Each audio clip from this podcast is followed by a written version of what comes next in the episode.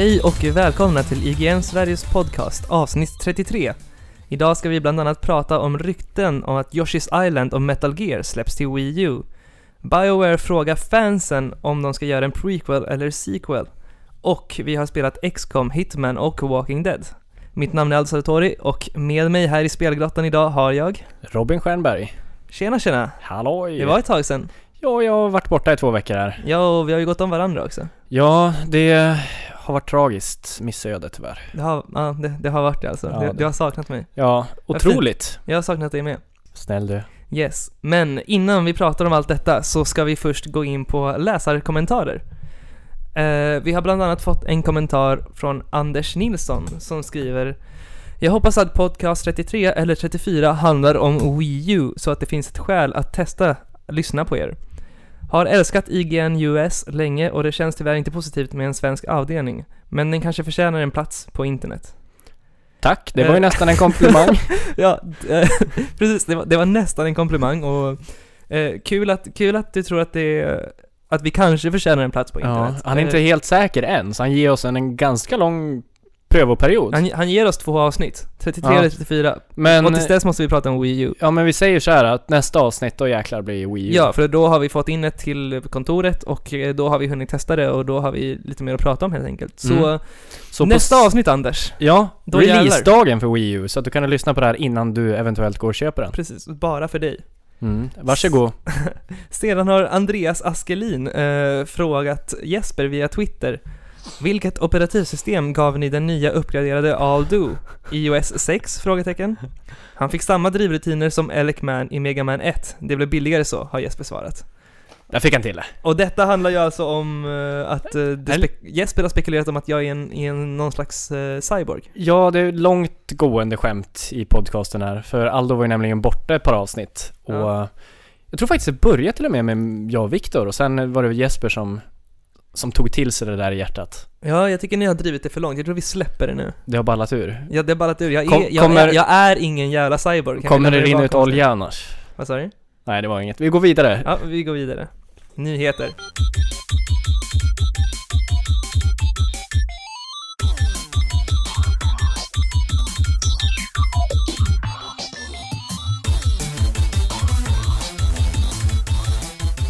Ja, det har varit en tämligen intressant nyhetsvecka, men eh, lite kan vi nog komma fram till.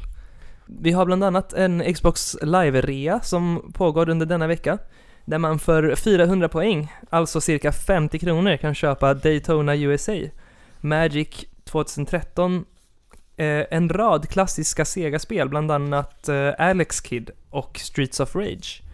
Man kan även få South Park Tenormans Revenge och Space Channel 5 Part 2. För 600 poäng kan man köpa Lara Croft, Guardian of Light, Rockband Blitz och Spelunky.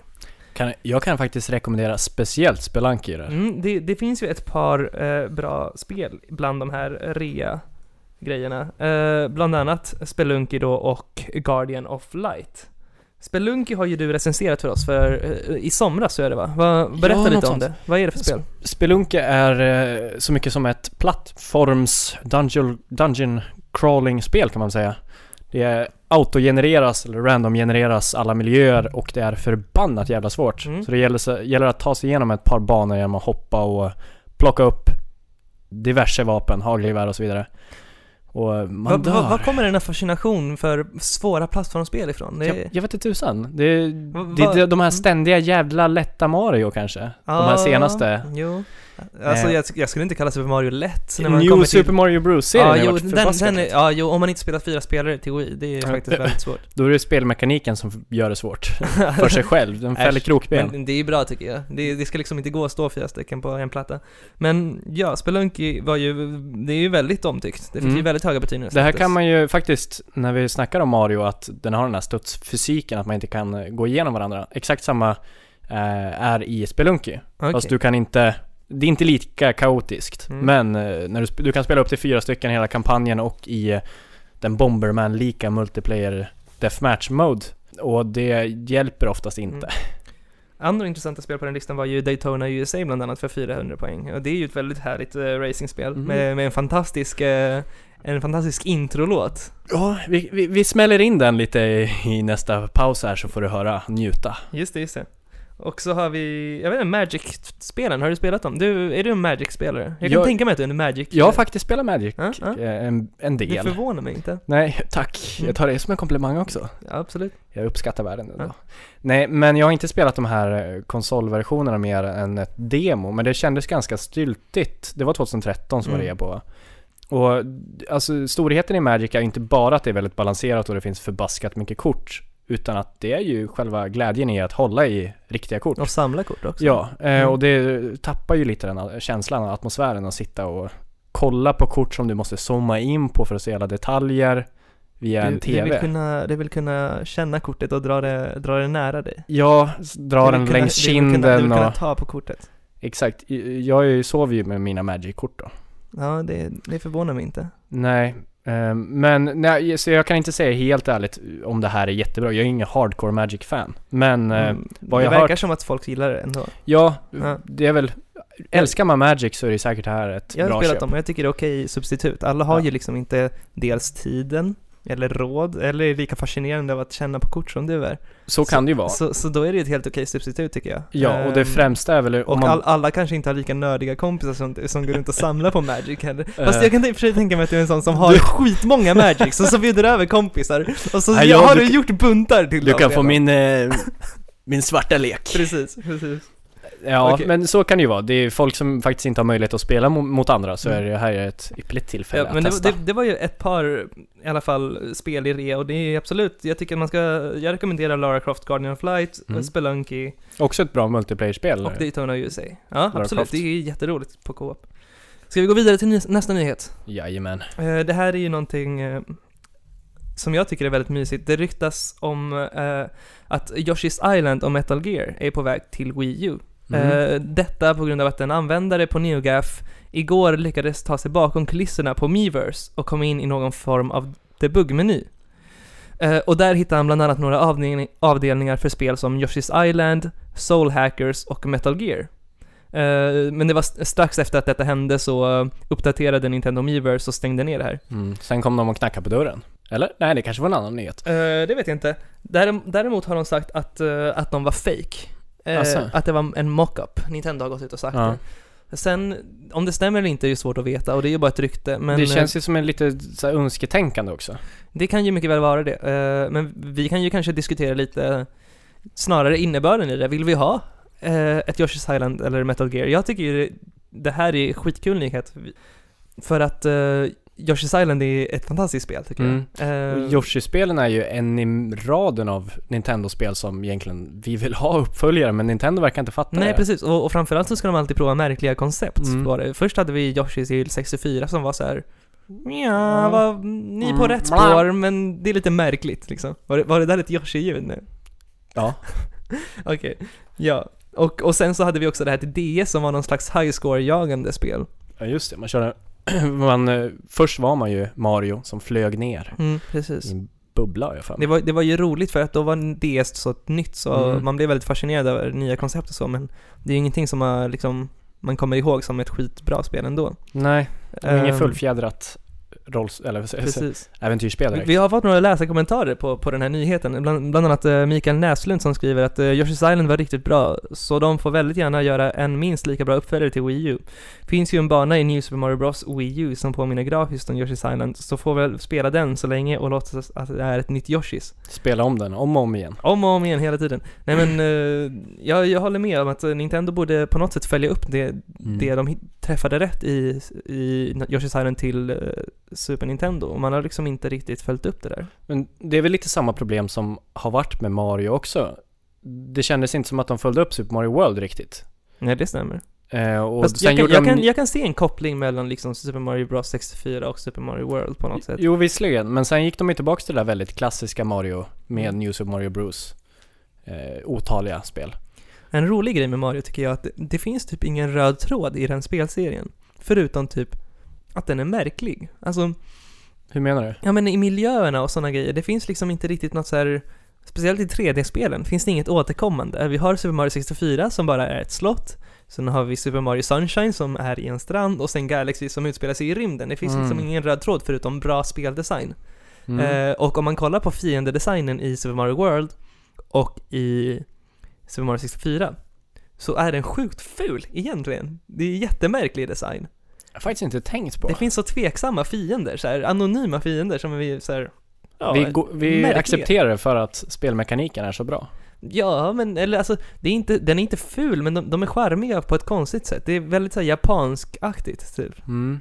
Trodde du först snackade när du nämnde röd tråd att du önskade en story i Mario? Ah, nej, det, det klarar jag mig The utan ultimate timeline. Hur jävla många gånger har hon inte blivit kidna- kidnappad? Precis. Eh, Även eh, användaren David Holmin skriver att man kan alltid hoppas. Och det är väl det vi tycker Mm. också. Ja, gärna. Intressant dock vad Metal Gear skulle innebära. Det, det, det känns ju som att det är nästan omöjligt att spekulera i till och med. Kanske blir en Wii-version på Revengeance. Precis. Nästa nyhet eh, berör också Nintendo, men även eh, iOS. Det är nämligen så Mm. att eh, Nintendo planerar att släppa Pokédex Mm. till iOS. Exakt, den här lilla, ja, appen kan man väl nästan säga som finns redan i Pokémon-spel där man kan kolla vilka Pokémon som man har samlat och har haft. Ska nu släppas som en app till iPhone och så vidare. Hur samlar man Pokémon då?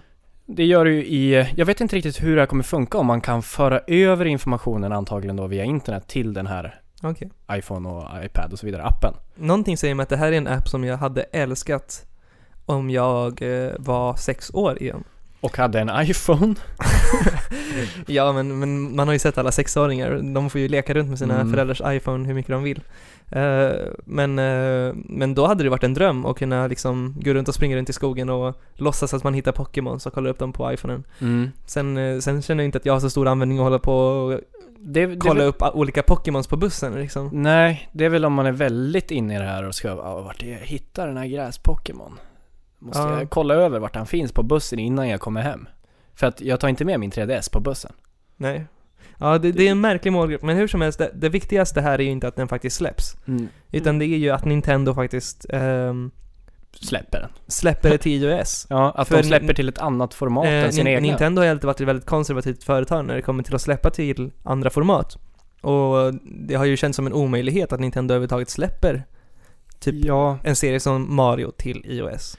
ja, det känns ju nästan som att det skulle kunna bli nästa steg. Mm. Det har ju debatterats en hel del om det skulle vara rätt för Nintendo att göra det. För då säljer de ut liksom den enda anledningen varför folk nästan köper Nintendo-konsoler. Absolut. Det är ju för deras egna spel. Det är väl ingen som bryr sig om de här Mm. tredjeparts skitspelen längre.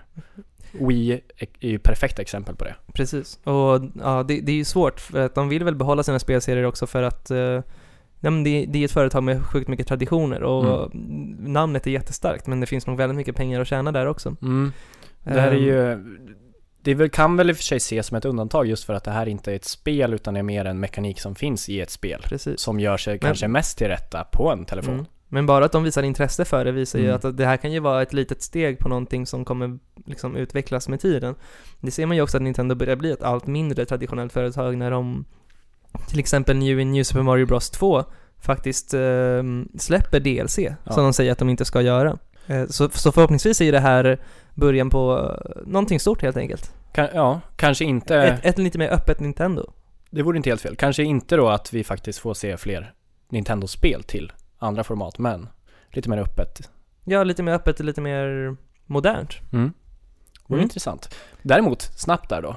Eh, det, vis, det har ju kommit ut nu att varken Mass Effect 3 eller Zombie U kommer få DLC till Wii U. Ja, Så det det. går ju emot lite den där. Ja, det, det är lite märkligt. Det är fortfarande att Nintendo måste sträva att samarbeta med sina tredjepartsutvecklare. Och man hoppas ju att de inte hamnar i samma fälla som Wii-konsolen hamnade i, när den, under hela sin livslängd. Att den, att tredjepartsstödet i princip var uselt för att det Mm. var för komplicerat att utveckla till den konsolen, bland annat. Och där, eh, Metro Last Light ska ju tydligen inte komma till Wii U för att Wii U har för dålig processor. Där möter Det- man ju det- på det- ett problem också. Mm, verkligen. Och det, kan nog inte vara så roligt för Nintendo just nu och, Få höra det när de Ja. har gått ut och sagt att den här är starkare än en PS3. precis. Ja, så, så det känns ju lite tråkigt. Frågan är om man inte kan skylla, alltså om man inte skyller på någonting sådant Mm. för, på grund av att de inte vill släppa den för att de inte vågar, på grund av att de- är rädda Kanske inte för finns sto- nog stor målgrupp. Precis, och så vidare.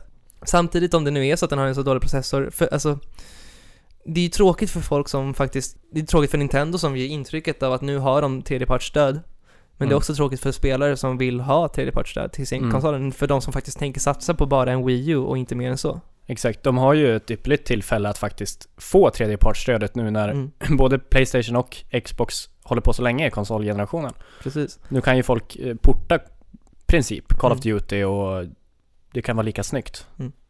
Ja, så det får bli, vi får hoppas att Nintendo faktiskt skärper sig där. Mm. Du hade, du hade en till nyhet du ville, du ville prata om va? Ja, exakt. Eh, Det gäller ju även Nintendo det här också. Och det är att de kommer inte utveckla några fler eh, spel till Wii. Just det, så det blir på något sätt att markera att en, en era är, är över. En era, det får det låta så dramatiskt. Ja men jag, jag är mycket för det här med, med Ja. dramatik och Det är väl inte så konstigt egentligen eftersom Wii U släpps nu. Men Precis. det är samtidigt det är lite såhär småtragiskt, även om jag inte älskar Wii så mycket. mm. Så, Jag förstår vad du menar. Jag, jag såg en rätt fin um, seriestripp på Reddit där det var en kille som den var inte alls rolig, det var bara, handlade bara om en kille som var redo att damma av sin, sin Wii och han sa till den att eh, här, vi hade det väldigt roligt, eh, det var inte perfekt eh, men vi hade no- våra ro- roliga stunder då Mm. och då. Och så lägger han undan den i, så här, i garderoben där det ligger en NES, Super NES, en GameCube, en Nintendo 64 det är lite och så den. på något sätt. Men det är fint tycker jag, det är liksom slutet på en era som sagt, och början Mm. på en ny. Och nu får vi se vad Nintendo har att göra för att, för mig har de mycket, mycket att förbättra och Mm. Wii, ja, Wii var långt ifrån en, en perfekt konsol.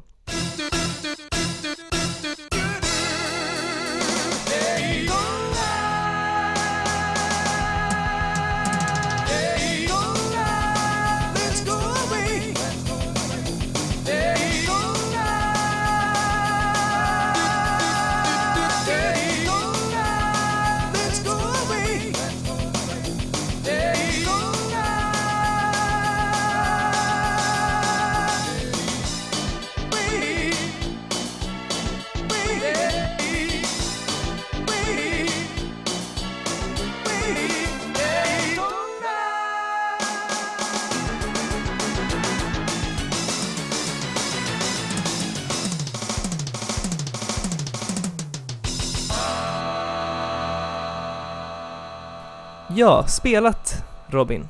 Vad har, du har ju väl haft fullt upp med, med, med två spel som jag har förstått det? Ja, Mm. fast det ena är ju episodbaserat så det kanske inte är riktigt ett spel. Nej, det Nästan. stämmer ju. Jag Men jag kan ju börja i den andra ändan då. Ja, gör så. Eh, som jag hörde att du även har pillat lite på. Absolut. Vilket är det nya stryparspelet. Det är väl det som är trevligast i det. Strypsimulatorn. Ja, för Hitman den, den som är riktigt sjuk i huvudet. Nej, men en Hitman, precis som du säger. Och eh, som jag hoppas att du som lyssnar faktiskt har läst min recension på hemsidan.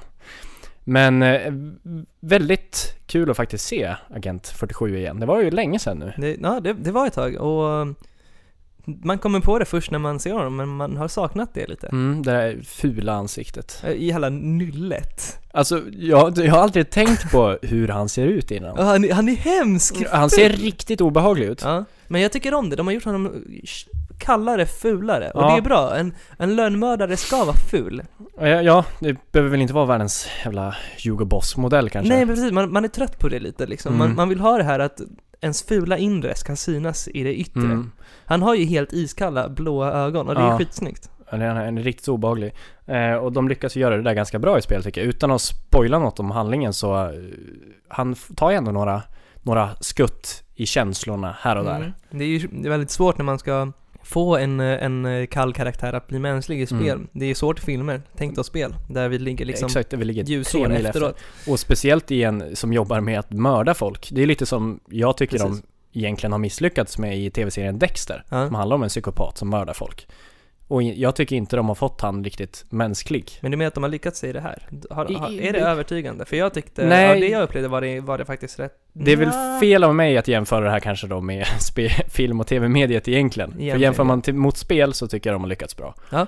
Eh, sen såklart, inte mot film. Men, Vi- eh, men du, ska vi prata lite mer om, om eh, Spel. handlingen och spelet i sig? Jag tror vi ska passa oss för handlingen, men det utspelar sig efter det senaste i alla fall. Okej, Så det, är Mm. ingen, det är ingen snack om någon prequel eller så. okej. Och ehm, visst är det så att centrala temat är lite vad...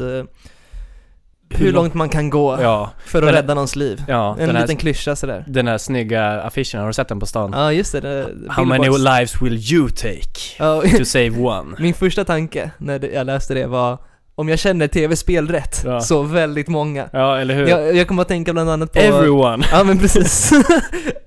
Everyone must die to save one. Men det är lite som i Mirror's Edge, när um, hela spelet går ut på att bevisa att ens syster inte har dödat en polis. Ja just det, så och så dödar man asmånga poliser under hela spelet. Men det kanske är medvetet val att då, de tar henne istället för att de bara, vad fan hon dödade ju bara en polis. ja, det är märkligt alltså. Men eh, hur som helst.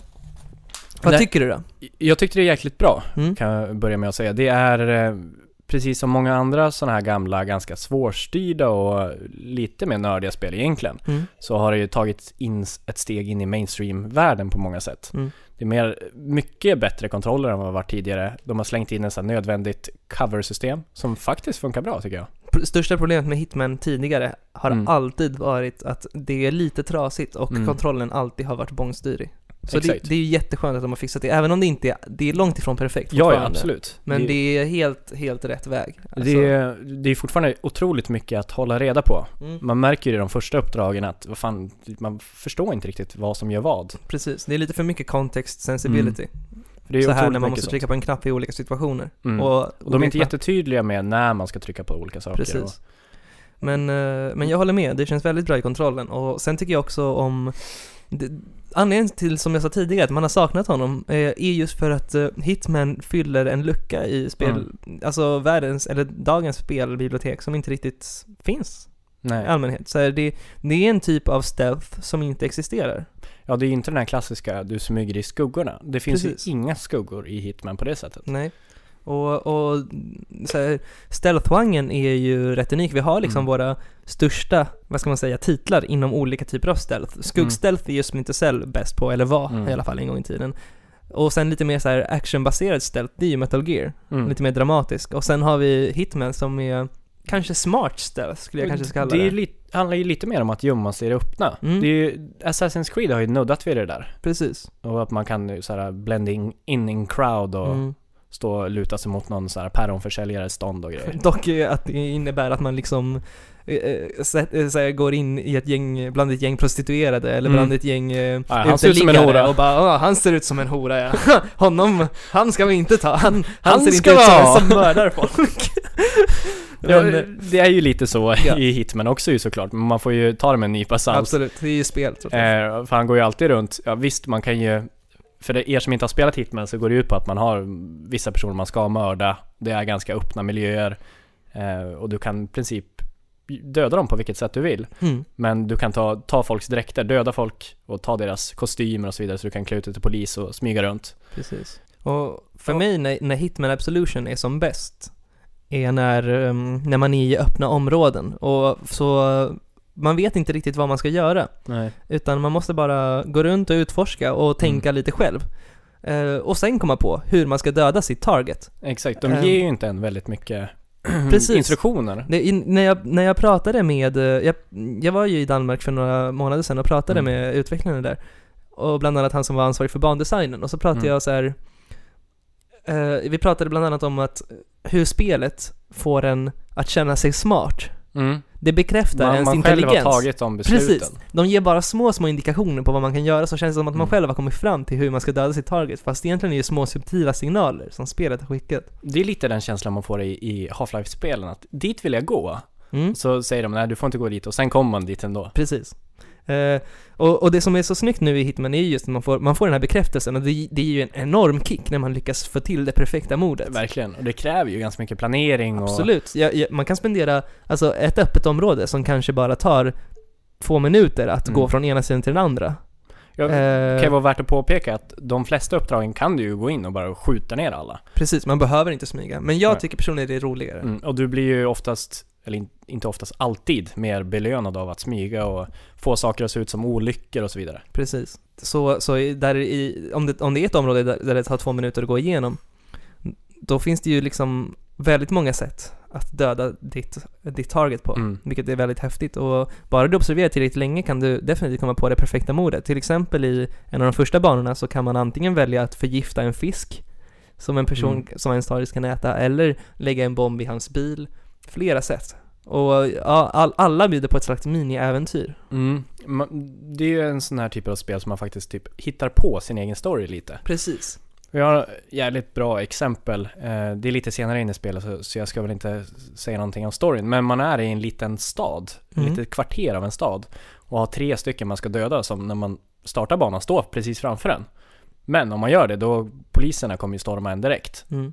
Och där finns en liten sån här donut shop och det finns en liten bilmekaniker och lite lägenhetskomplex och, Mm. och det finns hur många olika sätt som helst man kan faktiskt göra det här. Mm. Så då går man in där, går upp i donutshoppen, dödar någon vakt som står i vägen och klär ut sig till att man jobbar i något sånt där och ja, Would you like some death with that donut? lite moralkaka där. Ät inte för många, då dör du. moralkaka, jag såg vad du gjorde där. Ja. Okej, fortsätt. Nej, eh, det, men det är ju så perfekt eh, alltså, plats där man faktiskt sugs in i atmosfären och Mm. att de är, faktiskt har lyckats göra otroligt bra bandesign.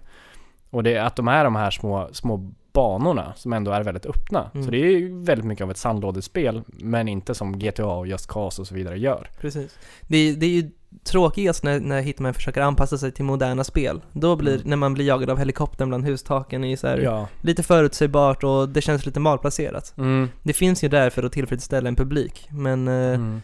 jag tror att många som spelar Hitman spelar av andra anledningar. Ja, man vill ju smyga runt Precis. och det är ju jävligt trevligt. Mm. Men de där, alltså det är väldigt mycket av de, just de där cinematiska, väldigt nya momenten precis i början av spelet, vilket jag tycker är jättekonstigt. Men Mm. det är väl just av den anledningen. Alla har spelat Gears of War, de vill ha sprängs. Precis. Någon slags feluppfattning som råder runt spelindustrin. Ja, det är ju konstigt ändå. Hitman har sålt mycket Mm. innan. Men, Men, men. eh, vad, vad blir det för betyg? Eh, det blir en 7,5 strypsnara av eh, 10. Snyggt där. Yes, jag Ja. skulle nog, jag, jag hamnar nog en sju, sju, sju och en halva, Mm. åtta Det, ungefär. det tippar precis där mellan bra och riktigt bra tycker jag. ja, precis. Och, Men, ja. mm, Så att, eh, är man intresserad av det här eller gillar de tidigare spelen så kommer man absolut gilla det yes. Kan vara värt att påpeka att de mainstreamifieringarna som de har gjort absolut inte förstör spelet. Nej. Det är mer till för att hjälpa de som inte vill gå helt hardcore. Ska vi prata lite om det spelet jag har spelat? Mm, vad har du spelat Alva? XCOM Enemy Unknown. Uff. Mm. Äh, Hur är det? Du, du vill veta? Jag, jag har varit otroligt taggad på det ända sedan den kom, men Mm. aldrig tagit mig riktigt tiden. Det, det är faktiskt, eh, det är faktiskt riktigt, riktigt bra, tycker Mm. jag. XCOM är ju då um, från början en eh, väldigt gammal spelserie. Mm. Taktisk. Eh, alltid, det, det var turbaserad strategi. Och nu nyligen så, eller för, för något år sedan så utannonserade man att man ska göra en remake på detta. Och det är Enemy Unknown som släpps nu. Eh, och det, det är ju rätt unikt. Spelade du originalspelet? Nej, gjorde du? Nej. Det var lite, jag har ju växt upp med konsoler så jag missade lite alla de Ja, där precis. bra strategispelen på datorn. Jag, jag, har, jag har haft tillgång till en dator, men just det här slank mig förbi tyvärr. Men det är ju lite så här, det, det känns lite som en trend nu, att man börjar Mm. återuppliva så gamla spelserier Mm. som eh, Syndicate till Mm. exempel, eh, och nu är XCOM Enemy Unknown, som båda råkar, båda råkar vara science fiction-spel. Mm, men science fiction är ju väldigt mycket. Det är inne just nu, Ja. det är i tiden. Eh, En annan trend där är också att börja släppa strategispel till konsol. Ja. Tänker på Diablo ska de ju släppa och så nu är XCOM här och Ja, om någon nu släpper Diablo. Men, det men kommer ta tio år igen. Ja, alltså strategispel till konsol har det alltid varit ont om. Mm. Eh, speciellt turbaserade. Det är för långsamt, men jag tycker om att eh, man faktiskt i Enemy X- XCOM Enemy Unknown har satsat på att göra ett AAA-spel av ett turbaserat spel. Man struntar Mm. i att det är ett långsamt spel. Men spelade du det här på konsol eller på datorn? Jag spelar på konsol. Hur Och funkar kontrollerna egentligen? Jag kan förklara. Det, hela spelet går ju ut på att det är turbaserat och du har dina... Du har olika typer av soldater som du skickar ut på uppdrag. Eh, Mm. och världen håller på att bli anfallen av aliens. Så hela grunden är väldigt strategisk. Du måste skydda hela världen från rymdvarelser som anfaller. Och du har olika länder som har en paniknivåattack på fem, på fem steg. Om några av länderna når till femte steget, då får de panik och kanske drar sig ur och betalar inte in pengar till organisationen som du jobbar för.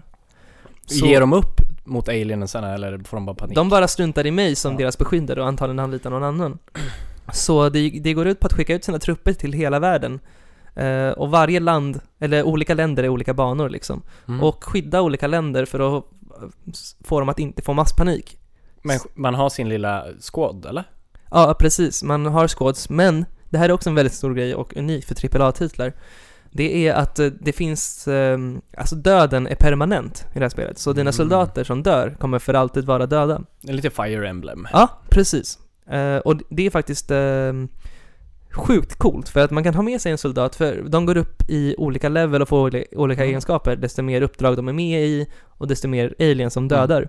Och jag har behövt säga ta farväl av två stycken soldater hittills som har varit med i kanske 13 uppdrag och det är väldigt mycket. Mm. Och varit helt fullevlade och sen dör de ute på fältet. Uff. Och det är så himla tungt. Och man får lust att liksom stänga av och skita i allt. Men istället så måste man ju klara banan. Så det, Det, går liksom, inte att bara restart mission då? Man kan ju sätta på autosave-funktionen. Men alltså, man kan inte vara så tråkig. Man måste kunna ta ett nederlag. Ja. Så tänk, min första reaktion är alltid load game. Mm. Och sen så bara, nej jag får, jag får ta det här, jag får skylla mig själv. Ja. Och om- om man är så hård mot sig själv så blir det här faktiskt ett riktigt roligt spel. Men går det verkligen så långt att man lägger ner själ i varje liten karaktär? Eller orkar, slutar Man- man bry sig efter ett tag för att man har så många? Alltså man, man är väl, i början i alla fall tvungen, för det tar väldigt lång tid att levela upp en karaktär. Jag har Mm. spelat i kanske 10 timmar och jag har bara två stycken höglevla, eh, fullt levlade karaktärer. Mhm. Så det Oj. tar tid. Ja. Eh, och sen samtidigt som man håller på att rädda världen så sk- sker det självklart eh, main events som driver handlingen framåt. Och Mm. handlingen kanske inte är det mest intressanta men den bjuder i alla fall på väldigt intressanta strategiscenarion. Och för mig, jag, jag älskar strategispel, speciellt turordningsbaserade. Mm. Eh, och om du som lyssnar också gör det så bör du definitivt inte missa Enemy. XCOM Enemy Unknown. Och det här blir vilket betyg Aldo? En, eh, faktiskt en, eh, en nya, måste jag Oj. säga. Det Eh, är så bra. Ja, det är faktiskt så bra. Det, det, det enda som drar ner och som gör det till en svag nia, det är att än så länge hade spelet kunnat varit lite mer komplext och lite svårare. Men samtidigt så har jag inte spelat tillräckligt mycket för att faktiskt våga uttala mig. Det Mm. känns som att även om jag spelat typ, jag har spelat mellan 7 och 10 timmar som sagt, Mm. men det känns ändå som att spelet fortfarande utvecklas hela tiden och som att jag fortfarande har det lätt. Jag är fortfarande i början. Jag tror det här är ett väldigt långt spel.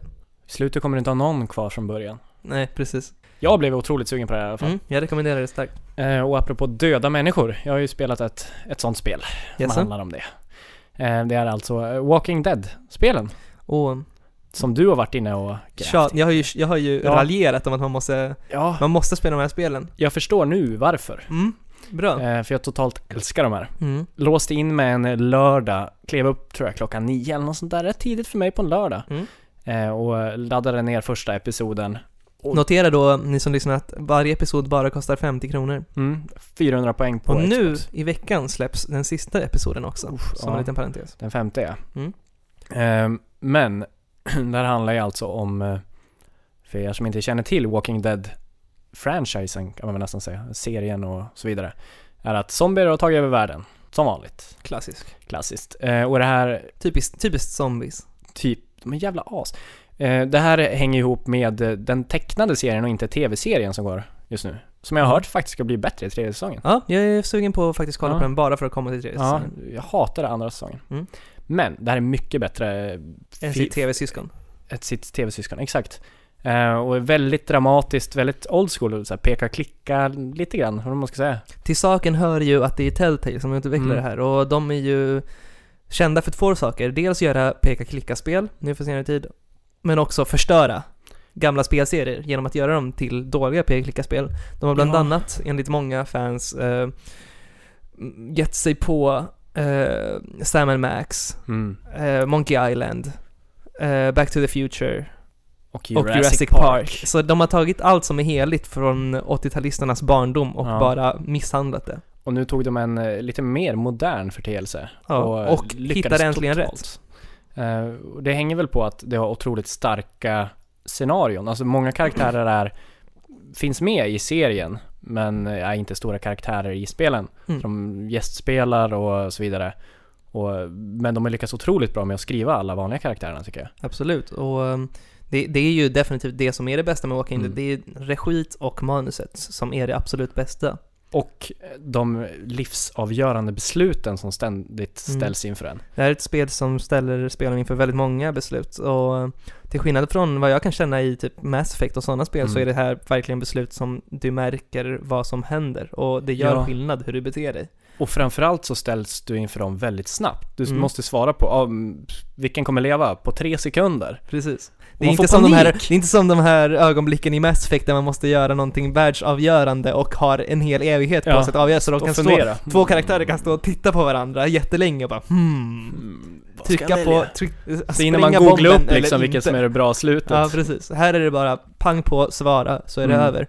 Någon kanske dör, någon kanske överlever. Sådana Mm. grejer ställs man ju inför rätt ofta. Ja. Och, och det roliga är också att man tror ju alltid i sådana här spel att så här, ja men jag vill inte ta någons parti. Jag är, jag är liksom neutral. Ja. Det är ju oftast värre. det, För då blir ja, ingen exakt. nöjd. Då blir ju alla, du hamnar i konflikt med Ja, alla. precis. Och då kommer någon dö också. Mm.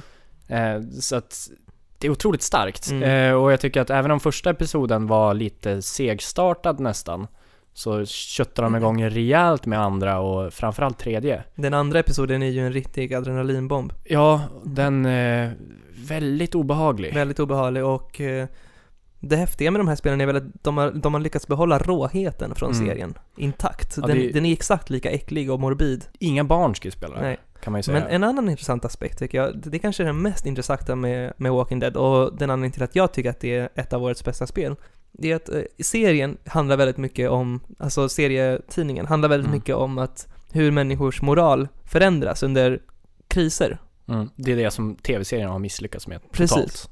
Och, och det är själva centrala temat, hur människor under en sån här psykiskt påfrestande period som under en zombieapokalyps faktiskt förvandlas till monster själva. Det är människorna som är farligast. Mm. I Walking Dead så kommer du ta beslut som kommer få dig själv, som spelare, Mm. att bli förundrad över att du ens är så hemsk människa. Ja. Mm, Det tar ju Speciellt, fram de här Ja, djuriska instinkterna. man, man blir den här människan som faktiskt behandlar andra som monster ibland. Och det Mm. är det häftigaste, att det gör exakt samma grej som serien gör med karaktärerna i serien, gör Mm. spelet med dig som spelare. Då har man ju lyckats. Mm. Jag, du har ju också väl bara spelat de tre första episoderna? Ja, jag måste spela fyran och nu femman ska jag göra det nu i veckan. Det är intressant att se om de ror hem det här så att säga. Absolut, det- och det är ju- det är också en intressant grej att de ska släppa säsonger. Exakt, Mm. det visade ju sig efter att det här blev en väldigt lyckad Precis. spelserie.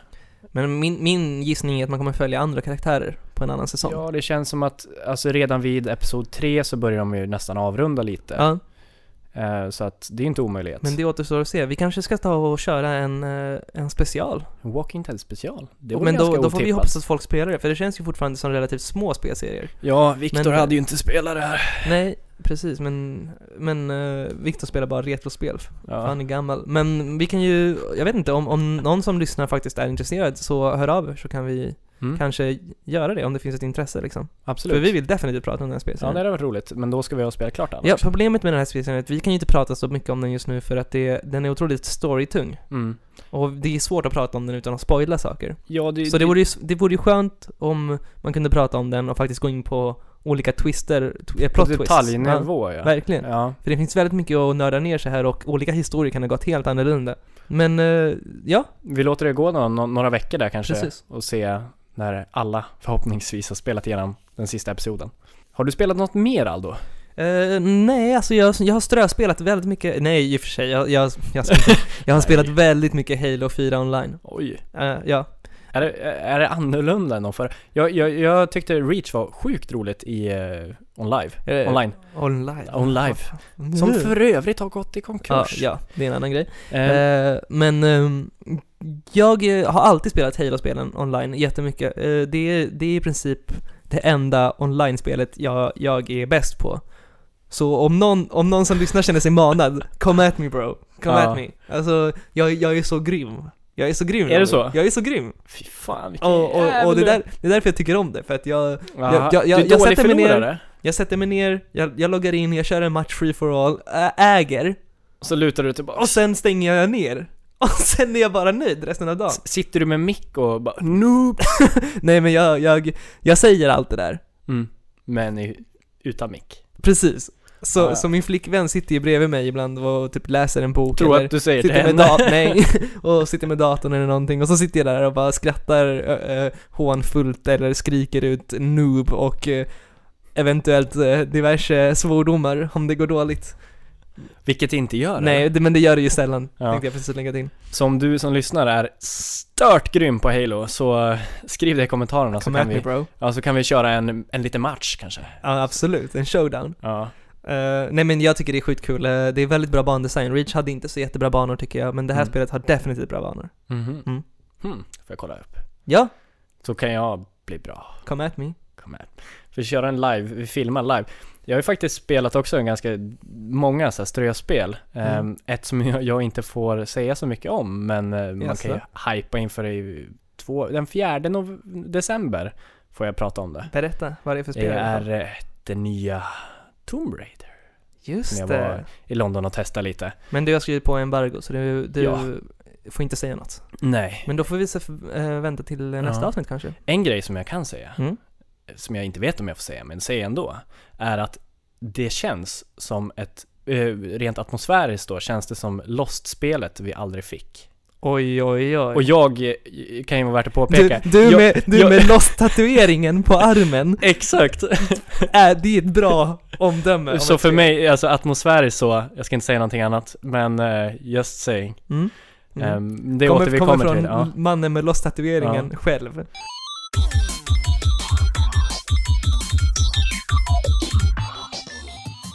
Vad ska vi prata om idag Aldo? Jo, vi ska prata om eh, Bioware som eh, frågar fansen om de ska göra en prequel eller sequel härnäst i Mass Effect-serien. Mm. Eh, och ehm, det här är ju ett intressant ämne på många sätt. Vi kan framförallt prata det här med ingången vad vi tycker om för, spelföretag som faktiskt vänder sig till fansen för att veta vad de ska göra. Är, är, Ja. det, är det lämpligt? Ja, alltså, jag kan känna så här Är det att professionellt? lite av det här har ju redan Bioware råkat ut för, just med tanke på Mass Effect 3-slutet som blev väldigt kritiserat. Och sen gick de in och pillade lite i det efteråt. Utan att spoila då, för det har jag fått kritik för att jag har gjort förut. Jag Mm. älskar att spoila Mass Effect 3-slutet. Ja, du, Men- du, du är redaktionens lilla spoiler. Ja, spoilermannen Ja. istället för lasermannen. Spoilermunnen. Eh, men de öppnar upp vissa dörrar i det här eventuella slutet också som gör att det inte är helt självklart. Förut fanns det lite mer gemensamt slut att de skulle kunna fortsätta på. Så nu är det väldigt konstigt att de ens frågar om att göra en sequel för då behöver de göra den här Metal Gear Solid-grejen att ett av sluten var det korrekta. Mm. Ehm, men i alla fall, ehm, jag hatade att de gick in och gjorde det för det bevisar att de inte hade the balls att faktiskt göra någonting eget. Mm. Utan de gjorde ett misstag och ja, de fega ur helt Mm. enkelt. Jag, jag, jag, jag förstår vad du menar och jag respekterar absolut så här kreativitet, kreat- kreativitetens frihet och så vidare. Men samtidigt så tycker jag också att man, jag tror att man lätt som, speciellt som speljournalist, Mm. kan bli väldigt världsfrånvänd på det sättet. Att man, man glömmer bort att de faktiskt gör spel för fansen, att fansen är Mm. det viktigaste som finns egentligen. Och jag tycker, Ja. jag, på något sätt så tycker jag ändå så här, alltså jag tycker att det finns en punkt då en IP nästan tillhör fansen och jag tycker att man har, jag tycker att man, man kan skyldighet, eller? Nej, men det, det man pratar om väldigt mycket är ju att fansen inte har någonting att komma med för att de inte äger IPn. Mm. De äger inte Mass Effect. Men, Nej. men samtidigt så, så här, om man kollar på typ hur folk har reagerat kring hur man har behandlat Star Wars, där är folk inte alls så, tänker inte alls på det sättet. Där, där klagar man ju hej filt och, Ja. och vill gärna få bort George Lucas liksom. Men... Då eh, fick de vad de ville till Ja, slut. precis, så fick de Disney. Nej men, så jag, jag vet inte, jag, jag är lite kluven inför det där, men jag, jag kan se poängen i det hela. Ja, jag, jag har inget emot att faktiskt de lyssnar på fansen. Det tycker jag tvärtom är någonting jättebra. Att ta till sig av den kritiken de får. Mm. Men just i ett sånt här fall då frågar prequel eller sequel. Mm. Det är ett väldigt stort beslut. Och visserligen de har ju story från sequel, vad som hände innan. Mm. Där kan de väl vidareutveckla utan problem. De har väl visioner för hur det skulle kunna se ut. Men att om de ska göra en uppföljare just på grund av fansen vill ha det. Mm. Då måste de ju faktiskt ta fram ett nytt tän- tänkesätt antagligen. Ja, alltså jag tror att Bioware lugnt kan liksom fixa det. Mm. De har ju duktiga manusförfattare och så vidare. Det, det Mm. tror jag inte är några problem. Ett- Alltså det handlar väl mer om man, om man är okej med att de, de vänder sig till fansen på något sätt. Och, och Mm. jag tycker att, eh, Å andra sidan, de har inte sagt att ja, vill ni ha en sequel så kommer vi göra en. inte heller, det blir mer som, det här blir mer som en folkomröstning. Ja. Och sen Det- kanske de skiter i fansen. Mm, det kan man ju också göra. Ja. Det är fan, douchebag, eh, douchebag Bioware. ah, you want a sequel? Fuck you! you won't get it. Nej men, eh, Så, så jag vet inte, men, men man kan ju dra paralleller till eh, lite hur eh, man börjar ha den här transparensen i indiespelutveckling. Mm. Till exempel hur under utvecklingen av, av Minecraft Mm. och eh, hur Notch alltid har från alfastadiet visat upp hur spelet ska vara. Mm. Det här är ju lite samma mentalitet, att man faktiskt låter fansen pilla på serien. Jo, fast skillnaden där är att även om Notch har varit väldigt, i alla fall från början, väldigt ödmjuk med vad han gjorde så har han ju aldrig blivit helt påverkad. Han Mm. går inte in och ändrar någonting bara för att tio stycken kommer och säger nej det här var inget kul. Mm, Han ändrar ju spelmässiga mekaniska prylar som inte funkar i sådana fall. mm. Och aspekter som, ja, skulle utöka spelet. Precis. Så du menar på något sätt att, att det är den här kompromisslösheten som en utvecklare ska ha? De, de, Mm. de bör ha den. De bör ha en vision som inte går att inskränka på. Eller vad, vad, är det liksom, Ja, vad är det du värderar så högt i att ha balls? För att nu beskriver du att de inte hade balls, att det Ja. var det negativa. Så jag, Ja, för, för mig är det så här: okej, har ju, antingen har de bollar eller så har de inte bollar, vad spelar det för roll liksom? det är inget så- fel med det. Båda lika mycket så, värda. så du får jättegärna förklara, vad, vad är det som är så viktigt med, med Problematiken tycker jag är att om alla ska hålla på och fråga den stora massan vad de vill ha, så Mm. blir det, alltså det är ju höjden av konsumtionssamhället. Du tappar ju väldigt mycket av det artistiska även om Mm. spelbranschen överlag inte har jättemycket av det. Då kommer det till slut sluta finnas visioner Absolut. i och med det. Det, det har du verkligen en poäng i och det är ännu viktigare i en spelindustri där så få faktiskt har Mm. visioner, utan där allting faktiskt bestäms av Ja. marknadsandelar och vad som säljer. Ja, hade de ställt den här frågan på, ja, säg Reddit, Mm. ska nya Mass Effect vara som kod? Mm. Ja, tänk om alla säger ja då, ska vi göra det? Så, Fast så känner man Reddit rätt så hade ingen sagt ja. Nej, men jag vet inte fan, på kodforum då kanske? För på Reddit finns människorna med bra smak. Bara- Men, eh, men jag förstår absolut vad du menar. Mm. Eh, och, jag ser absolut en poäng i det och jag, jag tror jag, jag, där är jag redo att hålla med dig. Det För att, för att liksom, då, då skulle man ju nästan lika gärna kunna kolla på spel som säljer bättre och göra samma grej. Även om, det är ju såklart, Mass Effect är ju, de har lyckats så bra faktiskt nischa in sin egen lilla grej. precis. Så de, de har ju ändå, säljer ju förbaskat mycket. På sätt och vis så tycker man ju också så här. alltså Okej att det är, ok- att man- att man kan skilja, så här, att man kan ha en egen kreativ vision, men det finns inget som säger att publiken också är dum i huvudet. Alltså, Nej, publiken kanske kan komma med jättesmarta idéer också. absolut. Så jag vet inte, alltså det kanske, Ja. det kanske går att mötas halvvägs där. Det är ju väldigt svårt. Jag tycker, typ som Blizzard, det har ju varit rätt duktiga. Haft Mm. Public relations, eller Mm. man ska säga. Eh, och faktiskt balansera sina spel och så vidare. Fram och Absolut. tillbaka i all oändlighet. Mm. Eh, men jag vet inte, jag tror jag håller fast lite just vid den här storyaspekten, att berätta en historia. Tycker jag är väldigt konstigt att låta fansen komma in och Mm. påverka det. Är liksom eh, J.R.R. Martin sluta säga så här, ja men sista boken, ska, ska Jon Snow dö då eller ska han inte det? Vad tycker ni? Det är alltså um, Game of Game of Thrones-serien. Thrones-författaren. Ja. Ja. Och det blir, jag, jag, köper inte riktigt det. Nej, jag förstår det. Och det kan kännas lite tråkigt också om, om kreatören själv inte har en fast vision för det man Mm. gör från början, utan att den faktiskt är flytande. Så här. Mm. För att, för att man, man är ju i den här positionen som skapande, som skapande artist eller konstnär. Man är ju där av en anledning. Det finns en Mm. anledning till att jag som spelare inte är den som skapar spel. Det är ju för att Mm. de har en vision. Och du har ingen version. Nej, jag är visionslös, som man säger. Ja. Så, så um, det finns en poäng där, absolut. Det kan ju, man kan ju jämföra lite det här med, du säger att eh, man frågar publiken vad de vill ha och då blir Mm. spelet precis som allt annat. Det kan ju jämföras lite med, med hur Kickstarter ser ut. Att Mm. många menar ju att Kickstarter är någon typ av revolution där, eh, där man kan komma och finansiera vilka spel man vill. Mm, alla Eh, de små och- spelen och- som ja, alla små spelen och unika Ja. projekten. Men eh, sanningen är ju den att, att det egentligen är de stora, det är egentligen stora spelstudios som, eh, som folk vill ha fortfarande i Kickstarter och folk, efter, folk finansierar inte unika projekt, folk finansierar snarare projekt som påminner om andra stora titlar. Men Du hade ju ett rätt bra citat där. Ja, det är bland annat, eller det är Benjamin Cousins, eh, tror jag han heter, som är före detta studiochef för DICE Easy.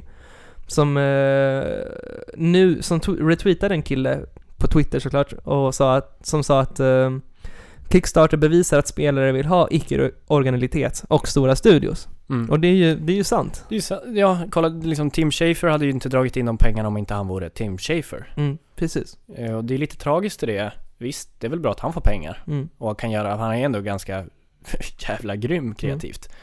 Men det är trist för alla andra som har väldigt stora visioner och vill göra annorlunda saker. precis. Ingen har sett förut. Och eh, ja, som du säger, om, om man vänder sig till fansen så finns ju risken att eh, den kreativa visionen dör, absolut. Mm. Och där är ju ganska, det är svår balansgång också. Vet man själv vad man vill ha alltid? Mm, absolut, det, det håller jag också med om för att antagligen så vet spelare inte vad de Mm. vill ha. Mm. För att det betyder ju att allt som är bra Mm. redan existerar, om man vet det.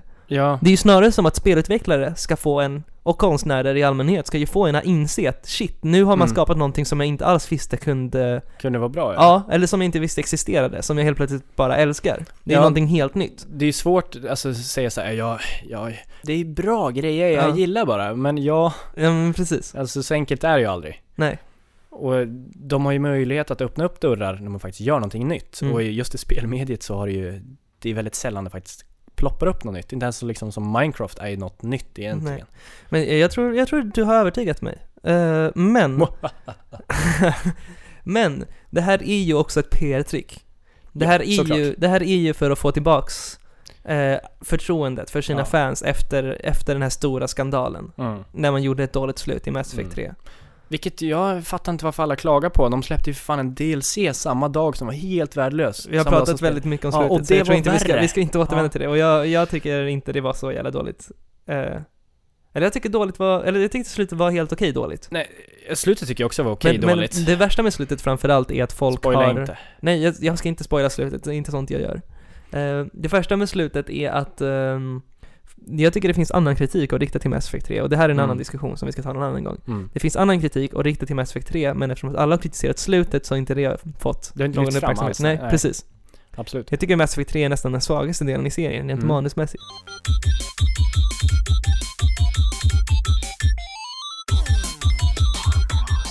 Jag har en annan sak jag vill ta upp med dig. Aha. Det var ju så att eh, ni som har lyssnat på oss ett tag eh, vet att jag och Aldo hade en liten, eh, liten debatt nej. angående Grand Theft Auto-serien och slog ett vad huruvida de nya och de gamla spelen hänger ihop. Alltså om GTA 3 och Vice City och San Andreas är i samma universum som GTA 4 och nu femman då som kommer i vår. Och det visade sig att jag hade rätt. Aldo trodde inte, nej du trodde att de hängde ihop, så var det. Nej, du, du är helt fel ute Robin. Nej, det är inte. Det här var inte alls vad du, badet handlade du om. trodde ju också Vadet att, handlade om att jag trodde att Tommy Vercetti, Ja, ja, men vi kom in på protagonisten i Vice City, skulle vara protagonist i exakt, och, GTA 5 också. och då kom vi in på den debatten, så vi slog vad om allting. Och för, en stor förra, klunga. förra veckan så utannonserade man vilka karaktärer som kommer vara spelbara. Och i Eurogamer så frågade de exakt den frågan och han sa nej, det är två helt olika universum. Yes. Så att jag fet vann. Så då, då har jag en liten, eh, liten mission till dig. Och det är... Eh, du ska nämligen sjunga en liten låt där som är... Åh herregud, det här är så pinsamt. Ehm, jag har skrivit ut låttexten här också. Det är inte pinsamt, det här är ångestladdat. Ehm, det, är, det är en låt som du känner igen, en gammal eh, barndomshit nästan. Okej. Jag vill gärna att du sjunger den med eh, den sångarens tonläge. Jag kan inte tonlägen, jag är Ehm. den mest tondöva personen du kan hitta. Kan jag säga att det är från filmen Aladdin? Ja, fuck, jag har aldrig sett Aladdin. Va? Har du inte? Nej, jag Jag kanske bara- inte kan den här melodin. Nej vad fan, men jag sätter på melodin också. Jag har fixat en, ehm, Åh herregud. en, en instrumental version här. Så att, ska kolla. Se till när jag ska börja sjunga. Ska se när det är. Jag tror det ska dyka upp en lyric här. Nu! Jag kan visa en värld Vacker, bländande, härlig Säg som du ska vara ärlig Har du drömt om den ibland? Jag kan lära dig se Bortom magiska under Oförglömliga Du ligger lite efter.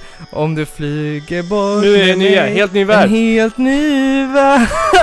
Åh herregud. Från ett annat perspektiv. Ingen bestämmer här Var och när. Nej jag kan inte, okej det, här, det här får vara. Ah, Där, ah, applåd för det då. åh herregud. Det var nog det, kan vara det jobbigaste jag någonsin gjort Det, här, det, här, det, här, det är sånt här som säljer podcast Aldo. Nej det, det här är dålig radio och jag hatar min röst Alltså det är Jag tyckte sjöng jag. Förlåt kära lyssnare, jag försökte verkligen få Robin att inte Han- att, att bespara er att Ja. lyssna på min röst Och jag tror han trodde att jag hade glömt det här. Fram till nu.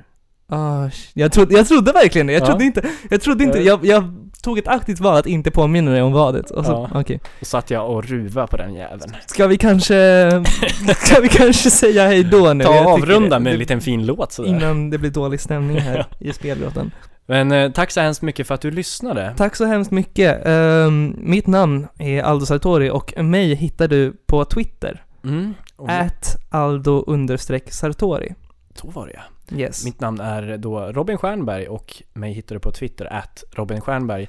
Ni får gärna ploppa in på hemsidan och eh, ge förslag på teman och allt möjligt vi kan snacka om. Diskussioner och betygsätt på iTunes och säg vad ni tycker i allmänhet och Ja. vi tar till oss av allt ni säger. Mm. Och, och en sak bara, vi har fått väldigt många kommentarer från arga människor som undrar varför ni blir direkt, redirectade till USA-Sverige från USA. Det här är inget som vi har kontroll över tyvärr. Det beror på serverplacering och så vidare, men om ni loggar in på IGN Sverige en gång och sedan trycker att ni vill vara på US, då ska ni automatiskt varje gång ni skriver in ign.com komma till Ja. amerikanska IGN. Och det funkar för alla oss, vi har försökt hitta felen som ni säger, men om ni bara trycker på IGN US så ska ni komma dit automatiskt framöver. Det kan bli så att kakorna, cookies som sparas, resetas automatiskt en gång i månaden kanske. Mm. Då får man göra det igen, men mer än så ska det inte vara. Så skriv gärna om det skulle vara att det inte funkar. Precis, Så så, vi kan så kan vi rapportera upp buggen. Men eh, det ska funka och vi ber såklart om ursäkt. Mm. För vi vet ju att det här var i, eh, i hemsidans början så kunde man inte ens komma in på amerikanska hemsidan. Nej, då, det var ju lanseringsstrul och så vidare. Ja. Men eh, Det var verkligen ingenting medvetet, det var väldigt mycket konspirationsteorier där i början. ja, om att vi ville Ja, tjäna... Ja, det här är för att de vill ha all trafik. Ja, precis, och så vidare. Men det är absolut inte så. Ni får eh, hemskt gärna läsa amerikanska IGN om ni vill. Ni får såklart också jättegärna, om inte ännu hellre, läsa våra texter också. Vi, Mm. ja, vi är glada att du lyssnade. Tack för ikväll. Ja, syns vi nästa vecka. Adjö. Hej då!